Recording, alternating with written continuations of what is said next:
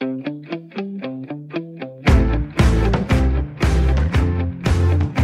lytter til Fremkaldt med mig, Claus Elgaard. Bastian Emil Goldsmith er den nye dreng i klassen, når det handler om cykelløb. Det 30-årige stilikon fører sig sikkert frem i studiet hos Eurosport, og det er helt tydeligt, at de gamle landevejskoryfærer har stor respekt for hans viden og sprog. Bastian Emil Goldsmith citerer Bibelen, Nietzsche og Godfather. Han studerer blomster for at forstå universets sammenhæng. Han er et intenst og interessant selskab. Døm selv, for Bastian Emil Goldsmith er gæst i Fremkaldt. Hvad siger folk egentlig til dig? Siger de Bastian? Siger de Emil? Siger de Bastian Emil? Eller hvad, hvad, hvad, hvad siger man egentlig til dig? Eller hvad kalder folk dig? Bastian Emil. Det er simpelthen det, man siger. Mm. Så det hermed gør jeg så også. Bastian Emil, du er jo blevet øh, den, øh, den nye, eller på vej til at blive den nye. Det er, jo, det er jo en frygtelig arv at løfte, men der er jo allerede folk nu, der begynder at sammenligne dig med, med Jørgen Let. Og jeg kunne læse i avisen, at I har været ude og lave nogle ting til tv sammen og sådan nogle ting. Du er jo helt stensikkert en ung fyr, som tænker over tingene. Hvad for nogle tanker gør du der i forhold til at blive sammenlignet med Jørgen Let? Jamen det, det ser jeg selv som helt naturligt. Mm. Og jeg kan huske, i, i, ved de første sammenligninger, så er jeg meget optaget af, at, at, at jeg var Bastian Emil, og jeg vil ikke, det, den sammenligning vil jeg ikke have på mig. Men så tænkte jeg over den ekstra gang, og tænkte, det er fuldstændig naturligt, det er klart. Og vi har jo begge to den her måde at forholde os til, til sporten på, hvor vi gerne søger veje mening i den, hvor vi leder efter store fortællinger, og også hvor litteraturen og kunsten og, og, og mytologien er en stor del af den glæde, som vi får ud af at se cykelløb på den, på den måde. Og jeg ser det også sådan, altså det her med at tage cykelløb meget alvorligt. Mm. Og, og udover at, det, at der er en, en vinder og en taber og nogle resultater og klassementer, så virkelig tage den alvorligt som et element i livet, som, som er brugbart i, ja, i tilværelsen helt generelt. Så, så det, det ville egentlig være mærkeligt, vil jeg sige. Jeg, jeg vil næsten decideret absurd, hvis jeg skulle sige, at jeg ikke brød mig om den sammenligning, eller jeg ikke kunne forstå, hvorfor den var der. Og øhm, når det er sagt, så har øh, jeg jo lyttet så meget til Jørgen Letzel og læst alt, hvad han har, alt, hvad han har lavet. Ja. Og, og det er jo klart, at han har været en, en inspiration også. Men nu siger du, at det er et, et element i livet, man kan bruge. Altså, man kan også sige, at det er nogle drenge med blå knæ, der kører over nogle brosten. Mm. Altså, hvor er det i livet, man kan bruge flanderen rundt, havde han sagt? Godt spørgsmål. Altså, jeg kan rigtig godt lide de helt simple sætninger, som du siger også med, at det, det er bare et cykelløb, og den, der kommer først, har vundet, og der er ikke mere i det end det, og der behøver heller ikke være mere end det, og ja, det billede giver sig selv nydelse. Og når du spørger om, hvad kan løbet først og fremmest bruges til, så er det jo også, det er nydelse mm. for publikum beskuerne at se. Det er at blive bevæget af noget. Og det tænker jeg er noget, vi søger i hver eneste dag i vores liv. Noget, der kan bevæge os, noget, som kan inspirere os, noget, som kan give lyst til at stå op, eller til at overkomme udfordringer jeg ser de bedrifter, som cykelrytterne laver, er, er form for, altså repræsenterer et ideal, hvor man forsøger at øh, overvinde modstand med fremdrift. Og det, det ser jeg som sådan et, jeg nærmest sådan, det ser jeg som en vej i livet, ja. som er virkelig brugbar. Så, så det er sådan, jeg bruger det, og det, det er virkelig aktivt. Jeg tænker på det hver dag, som, mm. som en drivkraft til at, at prøve at opnå de ting, man, man drømmer om. Men, men, men for at blive i let øh, terminologi, så den store klinge, øh, ja, det har politikerne jo også adopteret. Vi skal op på den store klinge, hører man jo mange talerne sige, og vi skal have den gule føretrøje alt det der. Så, så alt det er jo blevet adopteret, det vender vi tilbage til. Men, men altså, Jørgen har jo også, Jørgen Let har jo også talt om, om, om livet, og det er liv og død. En stjerne mm. bliver født, en, en, en stjerne dør på toppen af Alpe d'Huez mm. osv. Er det ikke at køre den for langt ud, eller er det der, man skal køre den ud, fordi det fortjener det? Altså, fra cykelsportens begyndelse har der været et ønske om, at det skulle være som de gamle guder i Grækenland, de gamle helte i Grækenland. Jeg kan huske et, en italiensk artikel, jeg har læst fra 1907 eller 1909 omkring Giro d'Italias begyndelse. En, en digter og statsmand, der hedder Ivano Bonomi, der skriver, at endelig er der en anledning til, at vi kan hylde vores helte, som helten, heltene i det gamle Grækenland blev hyldet. Øhm, og så læste jeg videre om det her med forbindelsen, hvor, hvor, hvor langt må vi tage, hvor langt giver det mening at tage referencerne i sporten. Og, og en anden italiensk forfatter, som jeg holder sådan af, der hedder Dino Bussati, han skriver i sit han, han har en stærk reportage fra Giro d'Italia 1949, Cuneo Pinerolo-etappen, hvor Fausto Coppi kører for Gino Bartali endegyldigt. Og, øh, og der starter han sin reportage med at skrive, I dag kommer jeg til at tænke på, da Achilleus dræbte Hector foran Trojas mure. Er sådan en sammenligning for gloriøs? Nej, for hvad ellers skal vi bruge de antikke studier på, hvis ikke vi skal bruge dem i vores beskedne tilværelse? Og den køber du, præmissen køber Den du? køber jeg. Altså, hvad, hvad, hvad nytter det hele ellers, hvis ikke, det må, hvis ikke vi, vi må tage det til et sted, hvor det virkelig er, er bevægende, hvor det virkelig er sådan skæbnesbestemmende ting, som, som finder sted. Og øhm, når det handler om liv og død i cykelsport, set kynisk er jo heller ikke helt løgn. Det er en meget farlig sport, og Mm. der, der rytterne sætter, sætter mere end de fleste på spil. Dagligt næsten, så, så jeg synes ikke, det er forkert. Men hvis man tager, altså for mig, umiddelbart, så når jeg tænker på en held, altså så kan det være en, der hopper ned i havnen og samler en barnvogn op, som er blevet kørt ud over kanten, eller nogle brandmænd fra 9-11, der går ind med at risikere livet og redder nogen ud, osv. Mm. Hvad, hvad er heldedåden i at køre op af Mont Ventoux? Jamen det er været et meget klart billede på styrke, på mod, ved at øh, ikke at frygte for at kollapse eller, eller være til grin, Mm. øh, eller øh, svigte sine egne ambitioner eller sine egne håb for sig selv, og være modig til at, at, at ture, række ud efter en drøm, man har måske etableret som, som barn. Drømmen om at komme i den gule trøje. Ture række ud efter den, man har arbejdet på det hele sit liv. Og jeg tænker også, at de øh, cykelrytterne som helte er jo ikke i konkurrence med brandmændene som helte. Der er jo plads til, til, sådan, til begge de spor af, af helte. Og jamen, jeg må virkelig sige, at det her med i, i en i et liv, som, som kan være svært, eller som kan være fyldt med udfordringer, som jeg tænker, vores allesammens tilværelse er. Så det her med at, at få øje på nogen, som, som, som inspirerer, det, det, er, det, der, ligesom, det er ligesom en, en, en forfatter kan være en held, eller en, en skuespiller, selvom det ikke er nogen, der sådan aktivt redder liv på den måde, som en, en, en held i den almene forståelse gør. Men, men lever vi i en tid, Bastian Emil, hvor du hvor, tror du, vi har brug for helte? Ja, det, det, det mener jeg virkelig. Ja, hvorfor? Øhm, ja, fordi en held er en, held er en retning, en held er et idea- ideal. Et held er, er også sådan, jeg ser det som et sæt regler for, hvordan man, hvordan man synes, man, man er ordentlig. Ja. Og øhm, det kan jeg ikke se, at det, at det nogensinde skulle være nogle sådan ugyldige, ugyldige øh, temaer, som jeg, og heller ikke i dag, men heller ikke for 50 år siden. Og Men, men, jeg hvis, tror, jeg vil sige, at der altid har været brug for helte. men hvis, hvis jeg så trykker dig lidt på maven og siger, at en held skal jo være ordentlig. Altså det skal være, for Ja. mig der er en held, jo, man kan næsten se modlyset og, og, og, og solskinnet bagved Mm. og sådan nogle ting. Der står helten inde i en eller anden Ja. Hollywood-film, ikke? Men de er jo urene, de er jo, de er jo dopet. Det- Altså, så, så, så, så er man jo ikke ordentlig mere. Hvordan har du det med det dilemma? Det har det godt med. Altså. det er godt. Fantastisk. altså, der er jo heller ikke nogen, der er jo heller ikke nogen stærk øh, roman eller film, uden at der også er nogle skurke og nogen, som... Øh, altså, jeg må sige, man kender jo også godt det her med en film at holde med den onde. Mm-hmm. Og ikke fordi jeg holder med dem, der doper sig, men bare, at der er en fascination i, i sådan skyggesiderne af tilværelsen. Er det udspekuleret? Er det sådan Ja, det kunne være Breaking?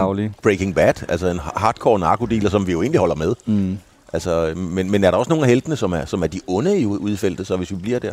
Jamen altså, jeg vil ikke sige, at Armstrong er en held for mig, men jeg kan godt lide at tænke på ham. Mm-hmm. Jeg kan godt lide at tale om ham og diskutere ham, og øhm, jeg er glad for, at han ikke, er i, at han ikke fører Tour de France om tre uger, hvis han stadig kører det, men, men ikke desto mindre synes jeg, at hans historie er enormt interessant. Og jeg vil gerne snakke lidt mere om det med skurke, fordi ja, det er jo bare sådan, cykelsporten er ikke kun et glansbillede, og det er også derfor, jeg synes, den, at den er så meget mere dragende.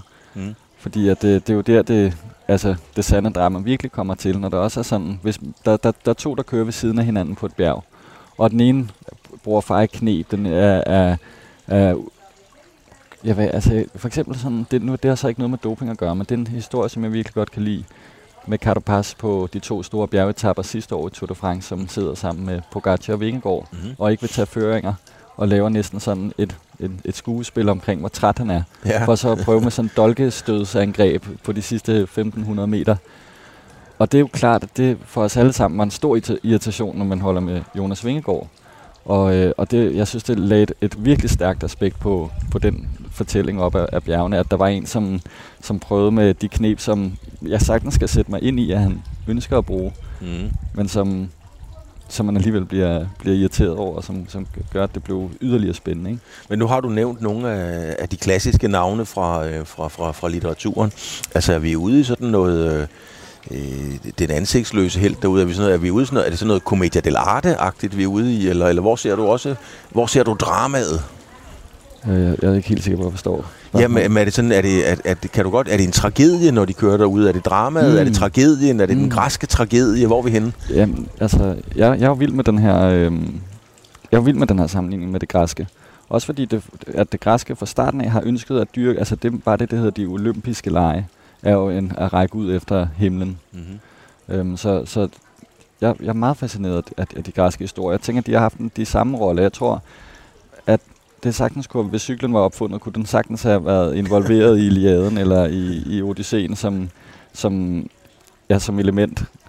Og øh, jeg, jeg ser det der som en stor tragedie, når, for at vende tilbage til Carapaz igen. Han har sådan en voldsom nederlag, som han havde i Giro d'Italia for et par uger siden. Ja. At han forsvarer sin favoritværdighed til det aller, aller sidste, og så på de sidste 1400 meter, så lykkes det så ikke for ham at, at, at holde fast i, i sin føring i løbet. Og, øhm, og det var da en, det var en hård skæbne. Ja. Men kan, øh, kan, kan fodbolden ikke det samme? Altså, eller kan boksningen ikke det samme Jo. i din optik? Jo, det synes jeg, jeg synes især boksningen kan. Øhm, og jeg synes lige nu mangler der nogle... Boksning er jo virkelig præget af, at der er nogle stærke karakterer, som skal drive den sådan helt forrest, som virkelig skal komme med en fortælling fra deres baggrund, og som for at, for at man kan ja, bygge den her historie op. Det mangler den måske lidt lige nu. Jeg, jeg, jeg følger meget tæt med i, i boksning. Jeg spekulerer tit over på, hvorfor fodbold ikke bliver... Hvorfor der så, så sjældent bliver talt om fodbold i de her vendinger. Øhm, og det er som om, der er sådan... Ja, det er som om, det altid bliver lidt søgt, når, når fodbold skal, skal ramme de sådan episke højder, som, som vi så, så frit taler i cykelsporten om. Jeg tror, det har noget at gøre med, at, at, det, er, at det simpelthen er et af at, øh, cykelsportens fundamenter, det her med at skrive om det på den her måde. Og Jeg tænker, Tour de France, der bliver skabt af en avis, og i de første mange årtier af det øh, eksistens, er det, er det drevet af, at det bliver fortalt om det gennem det skrevne. Mm. Øh, og det har gjort, at det ligesom bare er blevet sådan en virkelig integreret del af, af cykelsportens sprog. Øh, ja, og jeg vil egentlig også sige, at det er ikke en sådan kritik af fodbold, at det ikke bliver talt om i de vendinger. Jeg kan godt lide det sprog, fodbold har, og så det er ikke fordi, jeg, jeg, jeg synes, det er en mangel, men, men, men det er dog en af cykelsportens store kvaliteter, synes jeg, at der er plads til, at vi må tale om det på den måde. I det. Men det er jo sjovt, fordi når man, når man taler fodbold, så er det jo ikke helte, så er det fodboldstjerner. Når vi taler boksning, så er det heller ikke helte, så er det legender. Mm. Hvorfor er det, hvorfor er det helte i cykling, legender i boksning og stjerner i fodbold? Ja, det er et vildt godt spørgsmål. Jeg kan godt lide din optegnelse. Helte, legender og stjerner, det er sådan de tre kategorier. Hmm. Jamen, jeg tænker da også, at sådan en som Maradona er en held, og at, at, at fodbolden også har sådan sin helte, og et, bliver helten og scorer i overtiden, synes jeg, det er, er en sætning, jeg kan huske. Men jeg tænker, at det er fordi, den her repetitive over, overvindelse af smerte, Mm-hmm. er sådan et, øh, en heroisk gerning i sig selv. Og det her med at vide, at hver dag man går i møde, udsætter du selv for stor smerte, og overvinde smerte er også et udtryk for mod. Og det er jo sådan to virkelig elementære heltebegreber. Øhm, modstand og mod og overvinde smerte. Så det, måske det er derfor. Mm. Hvordan kan det være, Bastian Emil, at uh, mange journalister, der beskæftiger sig med boksning, også beskæftiger sig med cykelsport, og omvendt, de har det som deres primære områder? Ja, Der, der er en meget klar sammenhæng. Virkelig, og det er jo sådan, øh, det er jo, en, det er jo en, det er jo en rar verden på den måde, fordi man ligesom, når man først har fundet nogle spor af, af forfattere og, og kunstnere, som har lavet sig tyrefægtning, går nogle gange også ind i den kategori.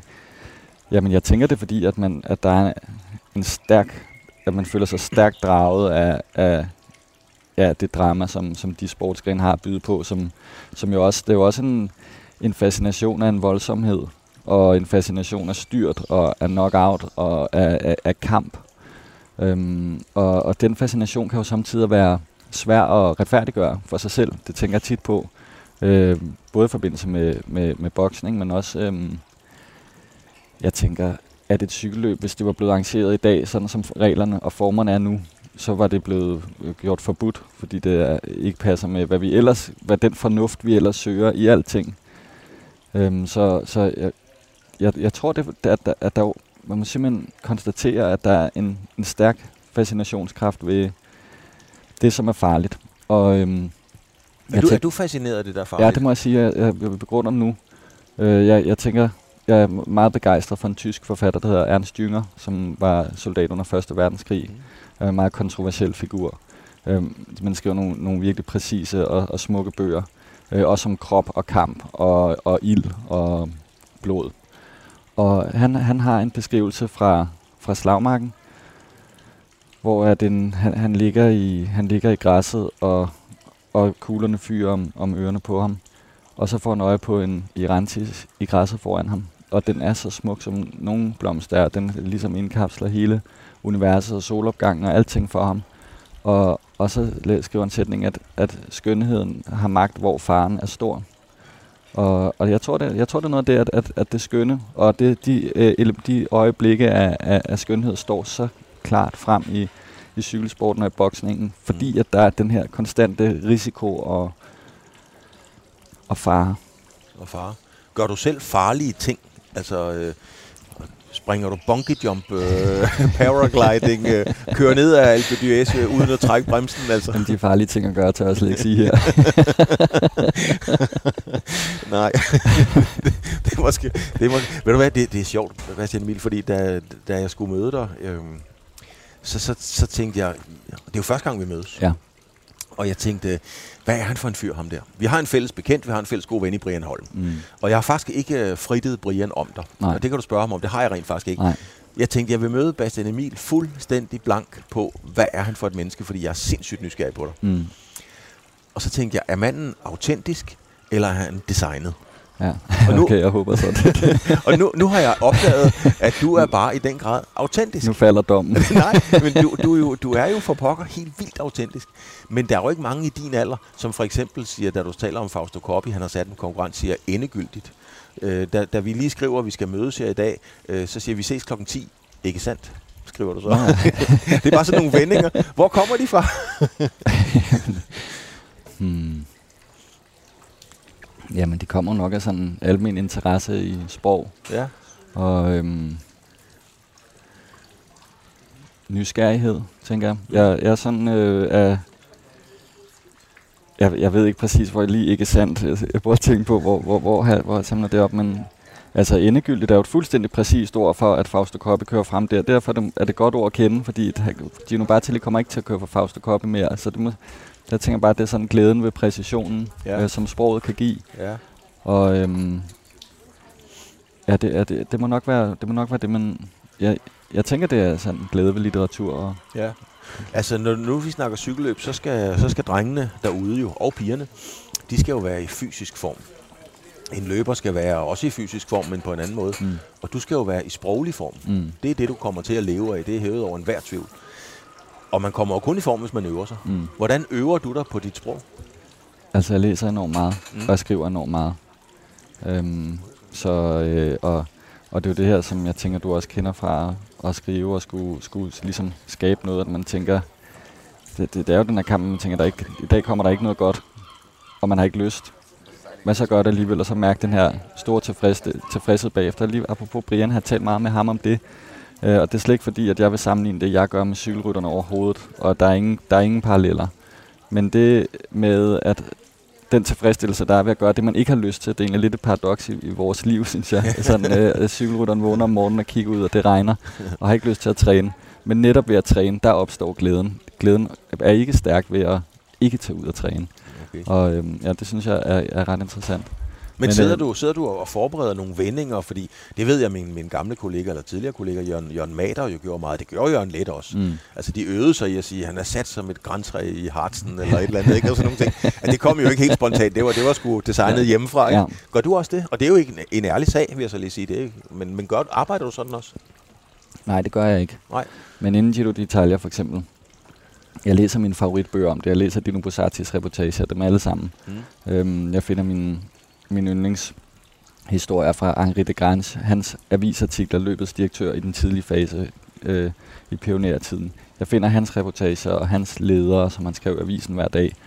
Og det giver ligesom sådan en, øh, det opildner, synes jeg, og, og, og, og sætter ind i forbindelse med ligesom den tradition, man gerne vil gå ind i i formidlingen af sport. Mm. Og det giver sådan, øh, ja, det giver en, en, en stærk, øh, hvad kan man sige, det motiverer mig helt vildt, og, og også sådan en, med, med respekt og ydmyghed gå ind til en opgave, som, som at skulle formidle det fortælling, altså få øje på den fortælling, som løbet i dag vil give.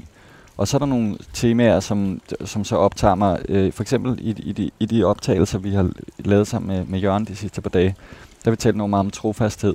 Ja. Og så øh, vil jeg sige, at det er sådan en del af, en del af, af, af en forberedelse, kan man sige, at nu, nu går, går det ord, det, det, det fylder meget i min bevidsthed. Trofasthed, loyalitet, trofasthed mod Tour de France, der vender tilbage til de samme steder igen og igen, Alpe d'Huez igen og igen, eller Champs-Élysées igen og igen. Øhm, men også øhm, altså publikums trofasthed mod løbet, selvom det har sådan en beskidt historie også, og jeg møder, man møder så tit øhm, personer, som siger, at de ikke følger med længere siden siden dopingskandalen. Okay, fint nok, men jeg synes ikke, det er særlig lojalt. Selvom det måske ikke var, var det, som man havde håbet på, så er det stadig givet en stærke oplevelser og, og, og minder, som stadig er værd at, at samle på. Det er rigtigt. Nå, men det for eksempel, det er sådan, som jeg kunne forberede mig. Så, så, så er det det ord, jeg søger efter noget i løbet, som, som, som kan indramme det ord. Og, og det er jo kommet frem ved at, sådan, at, at, at have tænkt, reflekteret over. Men nu har du nævnt igen at mange af de her fra den litterære, af, af de store, altså Altså, da jeg var dreng, jeg må sgu indrømme, jeg læste De Fem, og så læste jeg øh, Flemming-bøgerne, og så læste jeg Svend Hasel. Jamen, det er da også godt. Men, men det har du garanteret ikke gjort. Nej, nej, jeg har ikke, jeg har ikke lige læst dem. Men jeg læste øh, Jules Verne, for eksempel. Ja, for sådan. Øh, ja. og, og, øh, og så senere, det, det, det er jeg vild med sådan nogle sammenhæng, fordi så senere så fandt jeg ud af, at jorden rundt på 80 dage, den var jeg meget fascineret af, og jeg læste rigtig meget Alexandre Dumas, ja. øh, De Tre Musketerer og Grevene Monte Cristo, jeg tror, jeg læste den 25 gange. Og, øh, og så, så, så går der mange år, og så går det pludselig op for mig, jorden rundt på 80 dage, og slet ikke særlig langt fra Frankrig rundt på cykel. Og det er også sådan lidt samme øh, tid, det, det springer ud af, at det her med at skulle udforske alt og opdage alt og optage en rammer for, hvad der er overhovedet muligt. Og så er der sådan pludselig et, et, et, et spor gennem ens et tanker og tilværelse, som, som, som mødes. Sådan det, det synes jeg er så spændende. Hvad synes du så, øh, Bastian Emil, der er mest spændende? Altså, hvad, hvad, hvad tæller mest for dig, om en eller anden kommer først over stregen, eller selve fortællingen, inden en eller anden kommer først over stregen? Jamen, det er, det er fortællingen. Mm. Og, øh, og heldigvis er det, synes jeg ikke, det er sådan. Det er jo ikke sådan en konkurrence mellem fortællingen eller resultatet. Men, men det kunne jo sagtens være en, som bliver nummer 50, som i virkeligheden har været øh, dagens store historie. Og øh, for et eksempel for eksempel kunne være Fernando Gaviria i Giro d'Italia, som var så tæt på dag efter dag, og blev deklasseret, og var ved at styre det og punkteret, og havde så mange uheld, og hans frustrationer udtrykte han så, så, så sådan gavmildt, kan man sige, til, til Ja. ja. publikum. Og det gjorde, at, at sådan, han, han blev et billede på sådan en omrejsende frustrationer for en, en mand, for hvem tingene ikke lykkedes. Og øh, den fortælling, den er, da, den er meget relevant. Det, den, det kender vi alle sammen. Så, så, og den er helt uafhængig af. Selvfølgelig øh, er den afhængig af, at han ikke vinder, mm. men Mhm. det er jo ikke en, en førsteplads eller et resultat på den måde. Helte er generelt, jeg kan næsten ikke komme i tanke om nogen helte, sådan, som ikke er autentiske. Jeg elsker det der ord, autentiske. Jamen, det, Det er, det er helte, og de er autentiske. Men mange af cykelrytterne, der sidder derude i dag, de er jo designet. Peter Sagan for eksempel, han ved præcis, hvad han skal tage på. Cipollini var totalt designet. Altså, Mm. han var jo ja, en syntetisk cykelhelt, kan man Mm, sige. Ikke? mm. Han kunne køre på cykel. Hvordan har du det med, med, med de der nu, at nu opfinder de nogle roller, som, er, som, som de kan være i? Det er virkelig et godt spørgsmål, og vildt fascinerende at tænke på. Altså, jeg tænker, det er et skjold, Mm. og jeg kan godt forstå nødvendigheden af at opbygge et skjold, når en præstation er det, der kommer allerførst, øh, ønsket om at vinde. Og i... Jeg har tænkt virkelig meget over det her. I, I ønsket om at komme først for enhver pris, så er der også en pris. Og det er det her med, for det første, at det gør ondt, Mhm. men for det andet også, at man bliver nødt til at tilsidesætte enormt mange af, af sådan livets gode sider, men også enormt meget af, af sit humør og sin, øh, sin, sin personlighed faktisk. Ja. Øh, og jeg, for jeg tænker meget på det her med, at rytterne i dag næsten skal slibes helt fri for, for kanter og aldrig komme med en kontroversiel udtalelse og ikke gøre delagtigt gøre publikum i deres, øh, ja, deres velbefindende ved og vel og deres ambitioner. Det skal ligesom være så, så strømlignet. Og det gælder ikke kun cykelstjerner, det gælder sådan set alle sportsstjerner. Og vi leder jo sådan efter personlighed og karakter, og det har lidt hårdt under det med, med, med rytterne, der både har mundbind på og cykelbriller. Vi kan ikke engang se deres ansigter nærmest. Og, og hvad, hvad skal man så udlede af det? Men jeg tænker, det er et udtryk for endnu stærkere karakter. Det her med også at være villig til at skære ja, altså, nærmest sin personlighed så meget til, at, at man virkelig er i stand til at køre stærkt på cykel. Og i forhold til, jeg, jeg, jeg tænker det med hele rytterens tilværelse, ikke kun det med personligheden, men også det med øh, altså hele diæten, hvor stringent den er blevet nu, hvor meget mere deres liv bliver monitoreret og opmålt og optegnet, og alt står i, mm. i talrækker med, med inden et løb. Og så tænker jeg, var der, var der så mere karakter i rytterne i, i 50'erne, når man ser Gino Bartali og Fausto Coppi ryge cigar efter målestregen og sådan, eller bare Brian og Skiby for den sags skyld, for den sags skyld på, ja. på, på øhm, men, men jeg synes, at karakteren kommer meget stærkt til udtryk ved viljen til at, at være så kompromilløs, at, at alt skal slipes til. Ja. Du er jo selv en, øh, en karakter, altså, og vi er blevet enige om, at du er autentisk. Øhm, en del af programmet er jo, at jeg tager et billede, og derfor hedder det fremkaldt. Det gør jeg senere, men jeg kan godt fortælle lytterne nu, vi sidder et sted i Aarhus. Øh, man kan høre noget vand risle i baggrunden. Øh, fantastisk stemning. Øh, du er nydeligt klædt med, med slips og slipsenål, og, og dit hår sidder perfekt. hvor meget... Hvor, Brian Holm, vores gode ven, sagde jo til mig en dag, og det sagde han faktisk i fjernsynet. Han sagde, hvis ikke jeg er metroseksuel, så er der ingen, der er. Nej. det sagde han. Så, så er du også det? Du må lige ridse op for mig, hvad ordet betyder hurtigt. Ja, det er jo... Øh, altså en forelskelse i sig selv? Nej, ja, det er den måde, man, man udstrømmer. David Beckham var vel den første, man kaldte ja. sådan metroseksuel, ikke? Øhm, jamen altså, jeg, jeg vender tit tilbage til det her, med, som Nietzsche siger, med forfængelighed af sjælens hud. Ja. Og ja, det, det, har jeg, det har jeg fundet sådan en mening i, for jeg tænker, det også er sådan en, en forfængelighed, og, og det er virkelig måske også en form for skjold. Øhm, men jeg tror også bare, at jeg enormt godt kan lide det. Og øh, nu, i går så lavede jeg en, en meget stærk uvending sammen med, med Jørgen lidt i, i bilen. Og så kom vi begge til at tænke på Godfather, og jeg ved ikke, om du kan huske scenen, hvor at Michael skal mødes med McCloskey og Solozzo. Ja, der kører de tværs over, ja, og de kører tværs, i, tværs over på, jeg tror det er på Brooklyn Bridge, rent faktisk. ja, lige, lige præcis. Og, og, og Michael spørger, are we going to New Jersey? Ja. Og Solozzo siger, maybe. Maybe, ja. ja. det, det er rigtigt. Og så kommer den uvending. Øhm, ja, så, så, så talte vi om, om filmen Godfather, og jeg kan huske, da jeg så den første gang, jeg tror, jeg var 11 år, eller 12 år, og havde lige læst bogen. Så blev jeg så forelsket i, i tøjet, og, og skjorterne, og slipsene, og jakkesættene, og, og håret. Jeg tænkte bare, sådan vil jeg se ud. Sådan, nu, sådan, nu bliver stor. Sådan vil jeg, jeg, jeg, vil, jeg vil have et firma, der importerer olivenolie, jeg vil være italiener, og, og jeg tror også meget, at min fascination af Italien er grundlagt med, med den film, faktisk. Ja, ja. Øhm, så, så jeg tænker også, at min pogten dag afspejler øh, de filmhelte, som, som er i, i Godfather for eksempel. Og, øh, men det er også sådan, det er også et sæt regler at, at have sådan en uniform, som jeg for eksempel rigtig godt kan lide at bruge i mit arbejde med, med, med cykelsporten. Mm. Gå i jakkesæt og følge de regler, som, som ligesom er sat, og bryde med en lille smule en gang imellem. Men er det så dit skjold, Bastian Emil? Fordi nu siger vi, at cykelrytterne har et skjold. Er det pæne, øh, stilrene, øh, fuldstændig kliniske ydre? Er, er det dit skjold så? Ja, det kan man godt sige. Ja, mod hvad? Mod, øh, altså nu får jeg jo masser af kritik alligevel, men jeg tænker, jeg tænker at øh, i hvert fald ligner jeg en, som ikke er forberedt, for eksempel. Det kan og, man ikke og, øh, og, og sådan, det, det er det, som jeg godt kan lide udtryk, og så er det ligesom, jeg, jeg, jeg, jeg tænker også det med, at jeg, jeg, jeg har jo aldrig kørt på cykel, og, og jeg forsøger jo sådan set heller ikke at tale om, om cykelløbet nogensinde ud fra et perspektiv om, at jeg forstår, hvad rytterne går igennem. Jeg er netop meget øh, fascineret af. Jeg, jeg slet ikke forstår det, og jeg gerne vil vide alt om det. Øhm, men der tænker jeg, at så, så, så er det jo en eller anden form for skjold, at man så i stedet kommer og siger, jeg har forberedt mig. Jeg har taget min uniform på, som betyder, at jeg er meget koncentreret om den opgave, og det, det er vel en eller anden form for skjold også. Mm, hmm nu sagde du, du havde læst, øh, var det Grevne Monte Cristo 25 gange. Jeg kan alle replikker i alle godt film. Jeg kan, jeg kan dem fra enden til anden, og jeg sværger på at jeg kan, dem, jeg kan dem alle sammen. Altså som i alle sammen. Det gør og, så glad. det kan, og det kan jeg. Øh, men, men, og, og, og, og, der ved du også godt, i Godfather, der bliver det jo til noget religiøst. Det bliver, det bliver en religiøs handling, øh, når nogen bliver slået ihjel. De mm. krydsklipper altid. Mm. Han trækker pistolen, krydsklip mm. til en mm. døbefront osv. Mm. Du kender øh, fortælle teknikken i det der kan man jo godt sidde og tænke, ah, er det ikke lige at hæve det op på et niveau, hvor det ikke rigtig hører hjemme? Det er jo bare nogle gangster. Er det ikke det samme, vi gør med cykelsporten? Hæver det op på et niveau, jo, hvor det, det bare ikke hører det, hjemme? Det, jeg synes, det er en så god reference, Claus. jeg, jeg, jeg, kan så tit tænke på lige præcis det der med, man, finder, man finder noget i, i sporten, som man, man synes udtrykker lige præcis det, som kommer fra den her kæmpe roman, eller hvad det nu kunne være. Ja. Jeg kan desværre ikke lige huske det eksempel, som jeg sad og tænkte på lige før.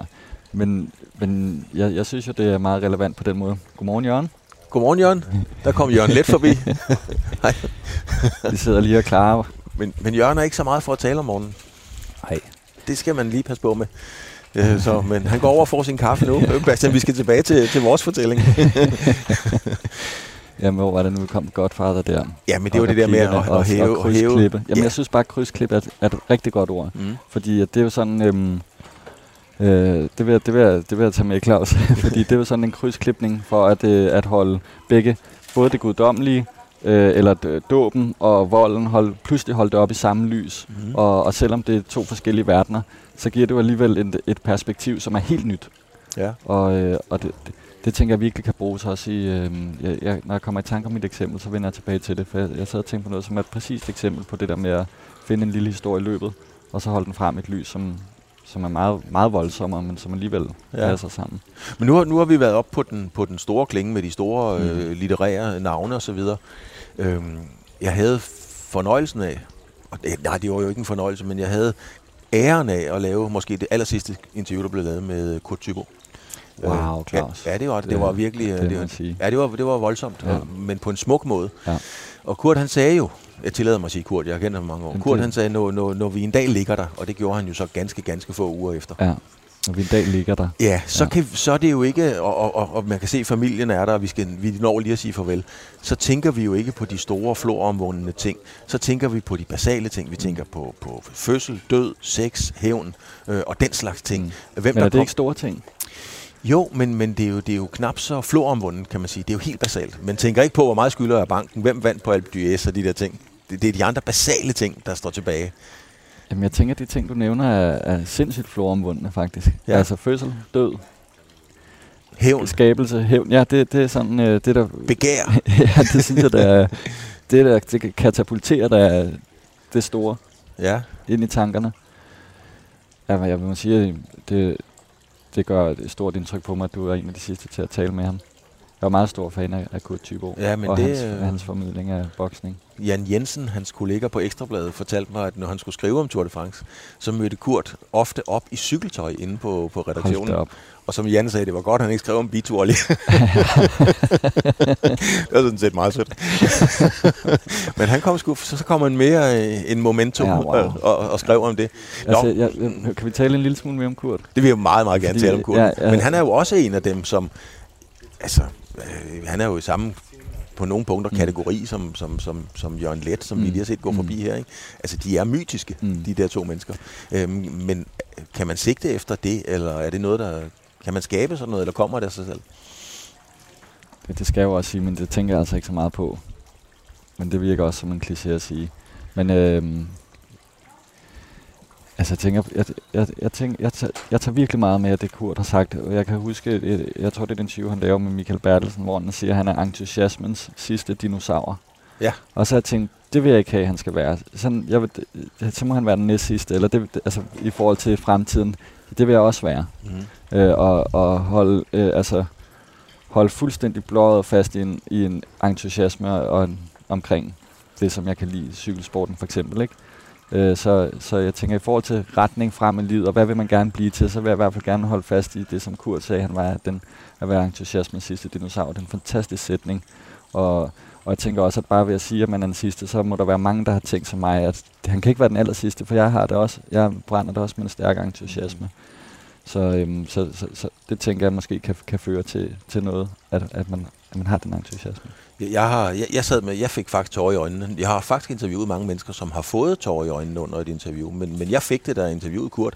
Det, det fik jeg, da han sagde, og du skal gå ind og høre det, Bastian Emil. Det, det ligger inde på, på, på vores hjemmeside. Det lover jeg høre det i aften. Og øh, han sagde, I stood up to Mr. Death, but, he, but he couldn't take me down. der må jeg sgu indrømme, der, der måtte jeg fælde en tår. det måtte jeg bare indrømme. Ej, Øhm, er, du, er du fascineret af smerte? ja. Ja, hvorfor? Det kan jeg godt fornemme.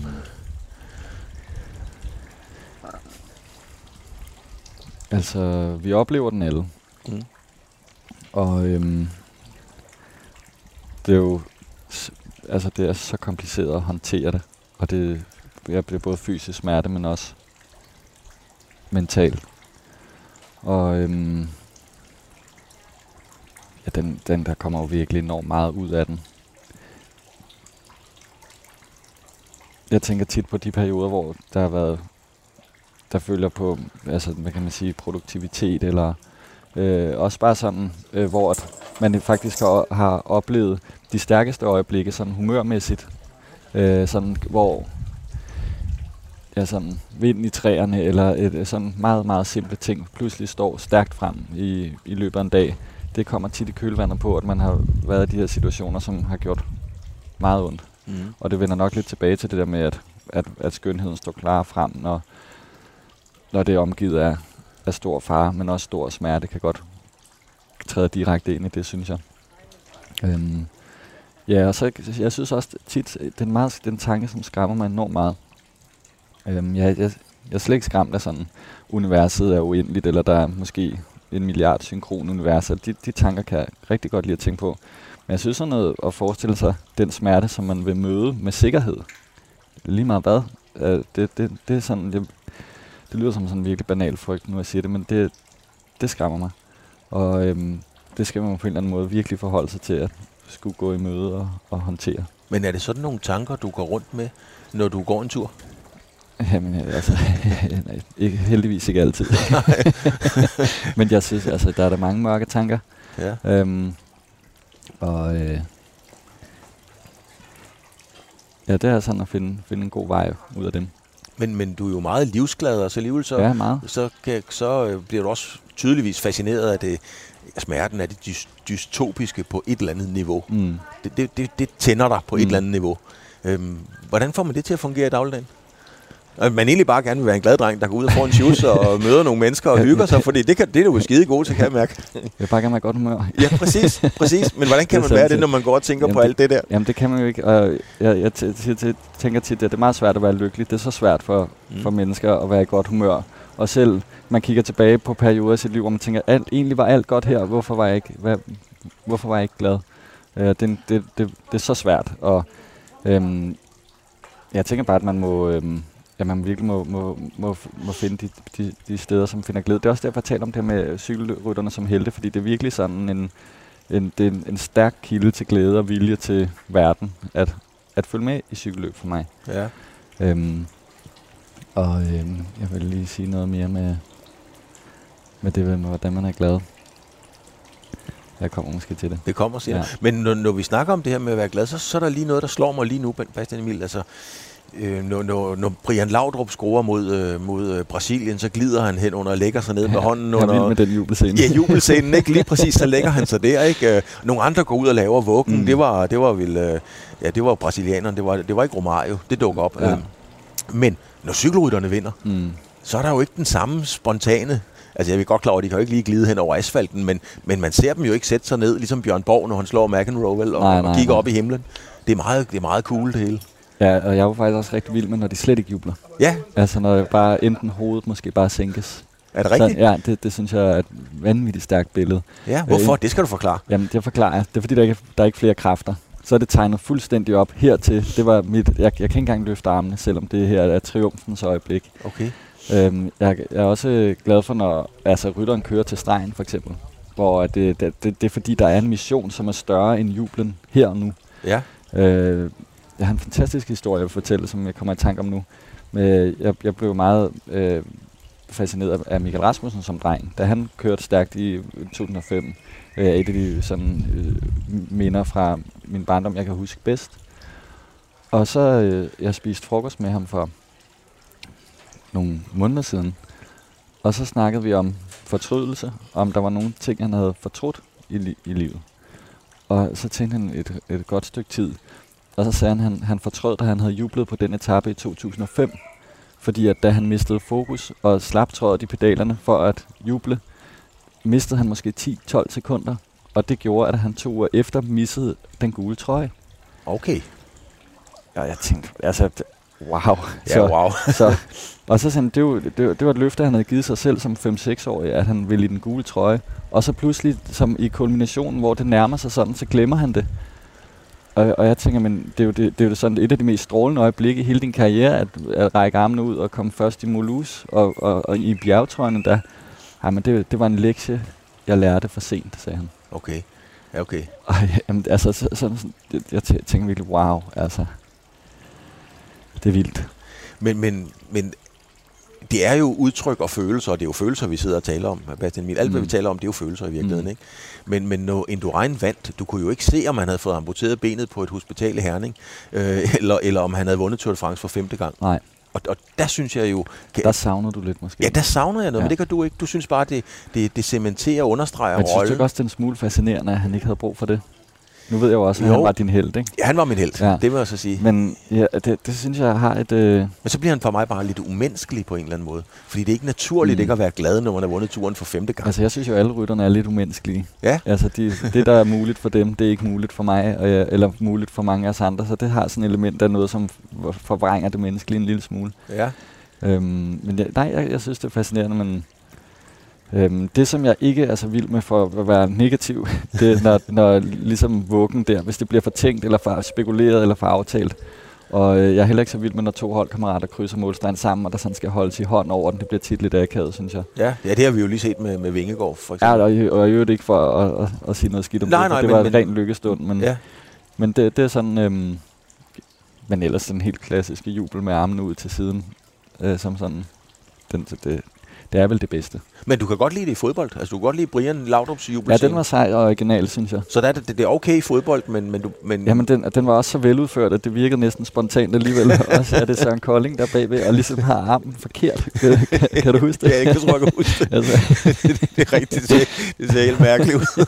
det er bare vildt med det billede, hvor det ligger, og Brian ligger ligesom og slapper af med hovedet på armen, men Søren Kolding har armen oven på sit hoved. Ja, det er rigtigt. Det, det er rigtigt. Det er rigtigt. Øhm, Ja, jeg synes også, øh, hvis vi taler om jubelscener, jeg, Balotellis øh, mål mod Tyskland ved, jeg tror måske det EM eller VM, hvor han banker den så hårdt op i krogen, at man næsten ikke forstår det, og så står han bare helt stille, uden at få trækket mine også og spænder ja. i overkroppen. Det er også sådan, synes jeg sådan, at... Det, det ja, der er noget græsk ud over ja, det. kunne man ikke stanse det, og så skære ham ud i marmor? Og ja, så, ja der, det kan man godt. Så, det kan man se ude på terrassen i marmor. Der, der, står den, der står den godt.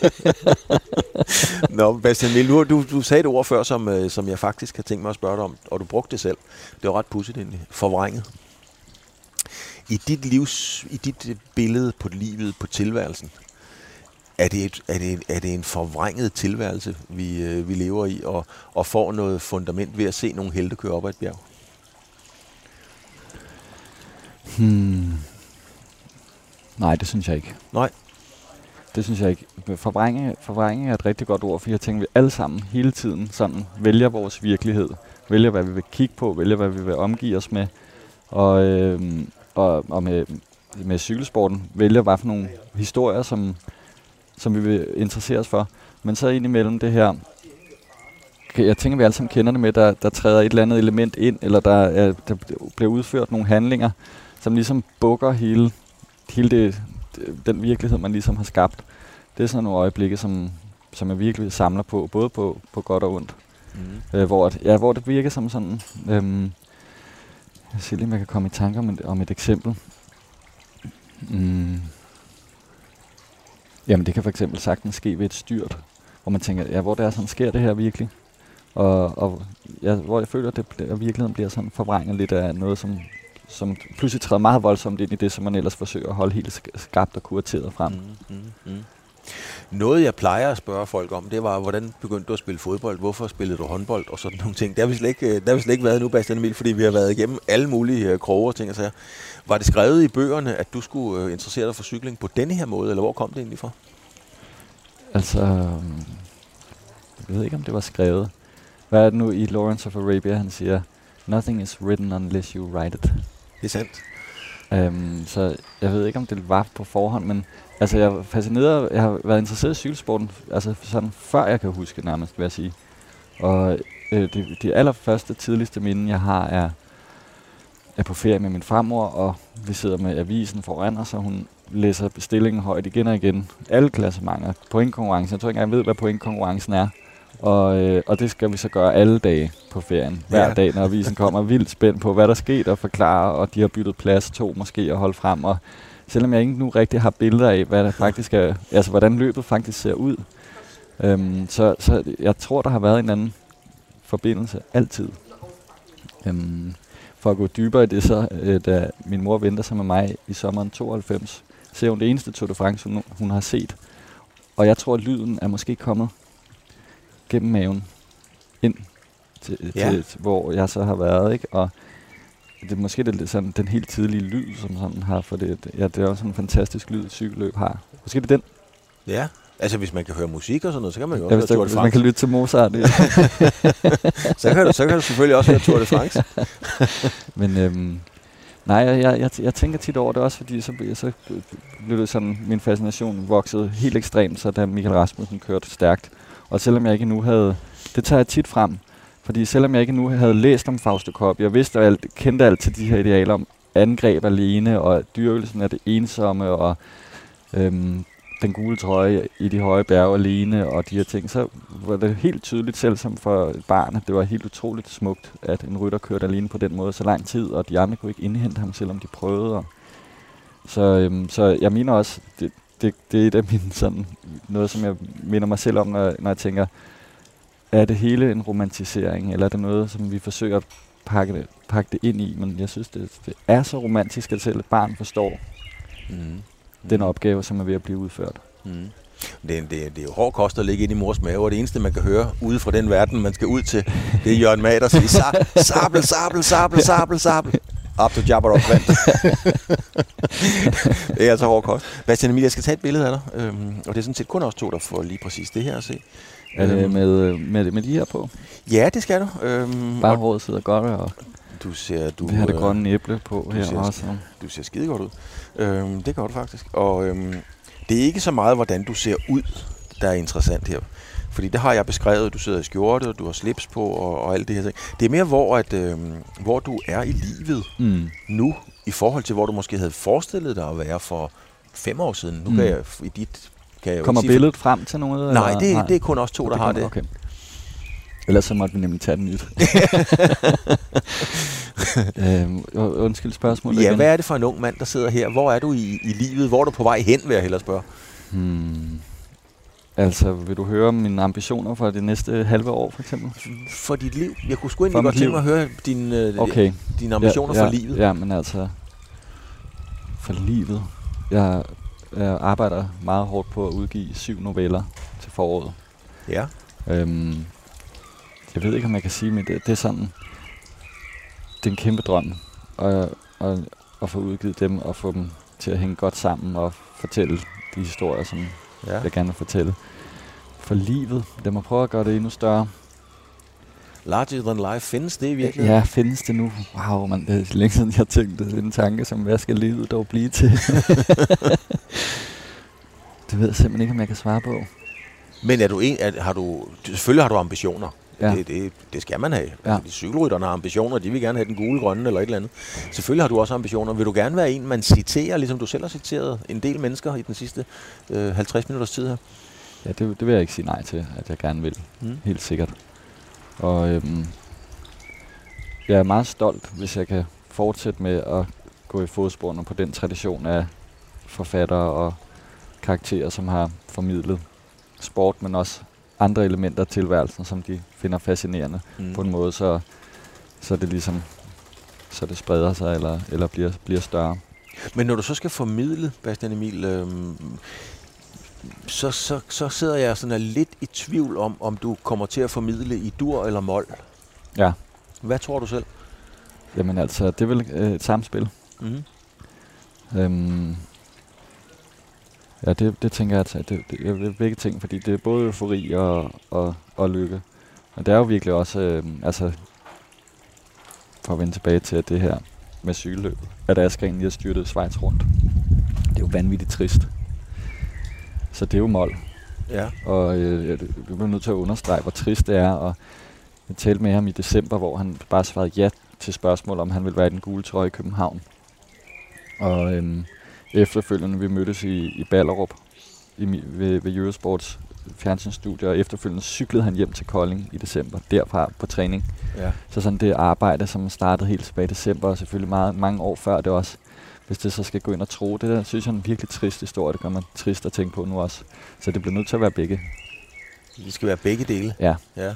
Men, men hvad er det, der, der, der fascinerer dig mest? Altså, vil du gerne... Øh, er du selv bange for at komme til at leve et liv i mål, øh, og, så, og går og drømmer om, det bliver i dur, eller, eller vil du mm. i virkeligheden gerne leve i, i, i mål, fordi det er med til at, at, at, at, at, at, at styrke dit udtryk? Nej, jeg tænker ikke, at man vil leve i mål på den måde, men man må acceptere, at det er der, og at det samtidig også er smukke melodier, selvom de bliver spillet i mål. Men øhm, ja, det er da et troende spørgsmål. jeg kan mærke på dig, at, øh, at det, det, det gør et eller andet inden i dig, når jeg spørger ind til sådan nogle ting. Jeg kan simpelthen mærke på dig, at øh, jeg ved ikke, om du er bange for spørgsmålet, eller, eller om... Jeg kan bare mærke på dig, at det roder rundt ind i skallen på dig. Jamen, jeg bliver nok i tvivl om, jeg skal svare, tror jeg. Ja, hvorfor egentlig? Altså, jeg mener, er det fordi, du er så ung og ikke er helt afklaret, eller? Ja, det kan det godt være. Det kan det godt være, det er det. Jeg tænker også, at det er... Um, det er sådan lidt... Altså, jeg ved ikke, om det er privat, men det er jo sådan... Det er jo svært at, at, at delagtiggøre med andre, men, øhm, men jeg tænker da, at, øh, at det gerne må spejle sig i, og gerne må komme til udtryk i glimt i, i for eksempel de historier, som man skriver ned, eller de fortællinger, man taler om i fjernsyn for eksempel. Nu så vi jo igen, øh, Jørgen Let var her, fordi I på arbejdet og sådan nogle ting. Mm. Hvad er det, Jørgen Let giver dig? Altså ikke det der med at skulle leve op til ham, det har mm. vi været igennem. Mm. Men, men hvad er det, du suger til dig, mm. når, du, når du er sammen med Jørgen Let? Jamen, det altså rigtig mange ting. For det er en sådan konstant øh, øh sådan poetisk bevidsthed. Mm-hmm. Øh, og bruge, øh, sådan, jeg bruger, følger virkelig det her bibelcitat med Gud, der siger til Abraham, løft blikket og se dig omkring øh, den øh, er Jørgen en total personificering af, og alle de dage, vi har brugt sammen her, er blikket virkelig, bliver, bliver blikket virkelig løftet. Og øh, så var vi, var, vi sad og spiste sammen i går aftes, og var tilfredse over optagelsen var forbi.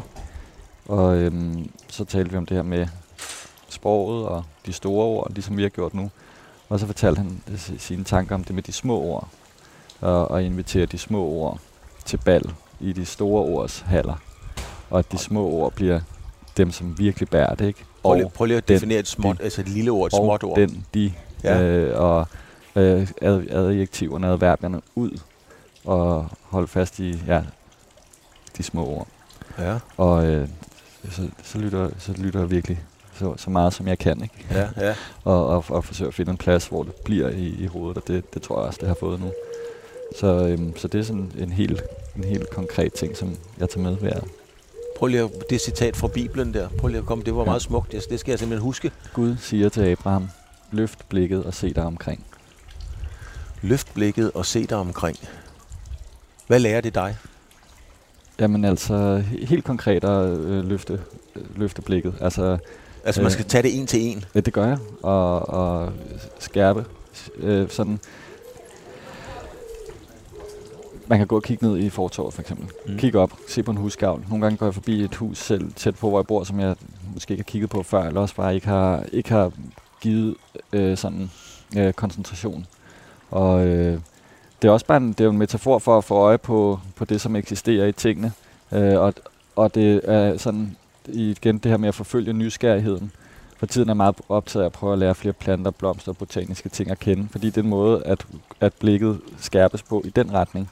Øhm, jeg tænker, at en, en arkitekt har et så skarpt blik i, i, i hvordan bygninger er udformet. Selvfølgelig, nu siger jeg åbenlyse ting, men, men at det virkelig er et godt eksempel på det med, at når blikket skærpes, så skærpes ens virkelighed også. Og hvis jeg kunne genkende, hvad det her for eksempel var med en blomst, så ville jeg vide det, og hvad den kunne, og hvad den skulle. Mm-hmm. Og, øh, og det synes jeg også, at bare det, det, det minder det citat mig bare altid om. Mm. Men du virker jo ikke umiddelbart som en, der går og kigger ned i jorden. Nej, nej, men det, skal også bare, det gør vi jo alle sammen, tænker jeg øh, nogle dage, og, og prøve at eliminere det, det vil være en stor bedrift. Kan det nok ikke helt. Men det er også bare det med at, at, at bruge øjnene hele tiden. Selvom Allan Olsen ikke er, øh, er bibelsk poet, så så skriver han dog gode tekster. Jeg, ved, nu, jeg skal lige huske, hvem det er. Allan Olsen, ja. det er jo uh, Tornspringer Thomsen fra Tostrup, og det er jo taberens søn og så videre, ikke? Men han siger jo også, i, han, altså, vi lå jo i Herning i min tid som soldat og sådan nogle ting. Han ja. siger jo, han synger om, øh, om han kommer hjem, og så synger han om sin kone, de er gået lidt træt. Men så siger han alligevel til hende, hun er i halvmørke stadigvæk køn, mm. men så siger han, løft dit hoved, det vil sagtens kunne gå. Ja. det er jo også smukt ja, på en eller anden måde. Ja, det løft dit hoved. Ja, det synes jeg.